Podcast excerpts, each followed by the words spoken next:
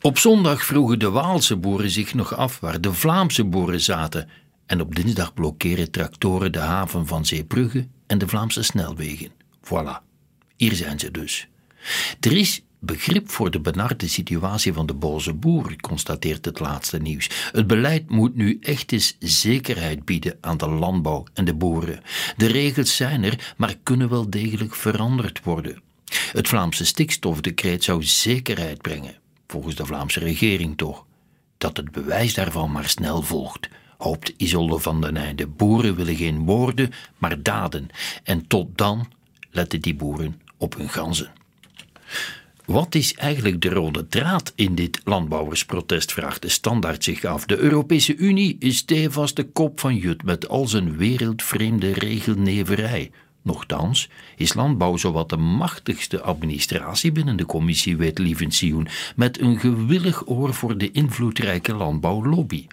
De Europese industrie heeft de doelstellingen van het groenbeleid van Europa wel al omarmd. Die volle overtuiging is er nog niet bij de landbouw.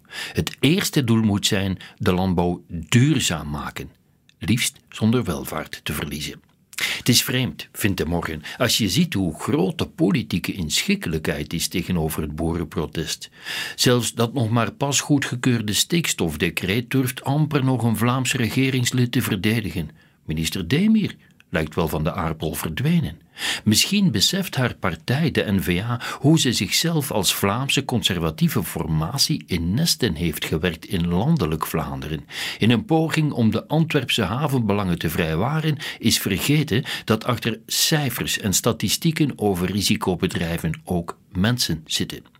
Het uiteindelijke doel, minder stikstofuitstoot, meer gezonde, diverse natuur had ook op een andere manier bereikt kunnen worden, oordeelt Bart Eekhout. Het Belang van Limburg begrijpt de woede van de boeren. Het valt op dat de machtige boerenbond in snelheid werd gepakt door zijn eigen basis, die zich uit de naad werkt zonder enig applaus, niet eens een schouderklopje. En de boeren werken voor tientallen bazen, maar de lastigste baas is misschien wel de consument. De verwende consument die vindt dat hij recht heeft op een vol bord zonder er een redelijke prijs voor te betalen. Als we doordacht met dit boerenprotest omgaan, vindt Liliana Casagrande, kan dit een kantelpunt zijn voor de manier waarop we die boterham met hesp, kaas of confituur produceren. Voeding is tenslotte levensnoodzakelijke brandstof.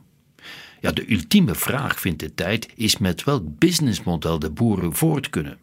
Uiteraard kan gemorreld worden aan de regels. Misschien kunnen natuurgebieden in Vlaanderen logischer worden geordend, zodat de landbouw minder snel op stikstofgrenzen botst.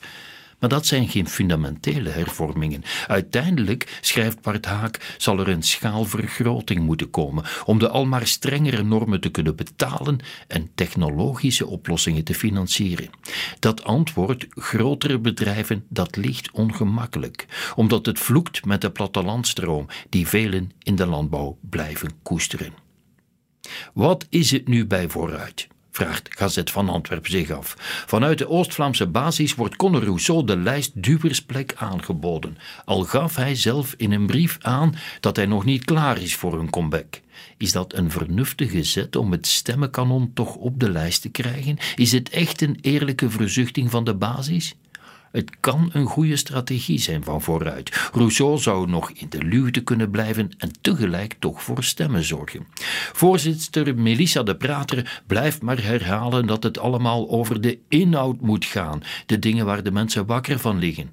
Maar alle vragen gaan over Rousseau, constateert Dirk Hendricks. Dat is Connors kracht en die missen ze niet graag bij vooruit.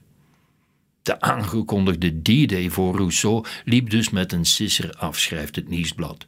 Het kan nog tot half april duren vooraleer we antwoord krijgen op de vraag: doet Rousseau het of doet hij het niet? Het is een slechte strategie, vindt Peter Meidemans. Conrad Rousseau had met zijn gespartel het insinueren van een politieke afrekening en zijn zatemansklap de neergang al veel te lang laten aanslepen. En nu breidt de partij er zelf nog een verlengstuk aan vooruit doet stilaan aan zelfkastijding door de affaire en de fallout ervan te blijven rekken. En daarmee eindigt dit krantenoverzicht van woensdag 31 januari.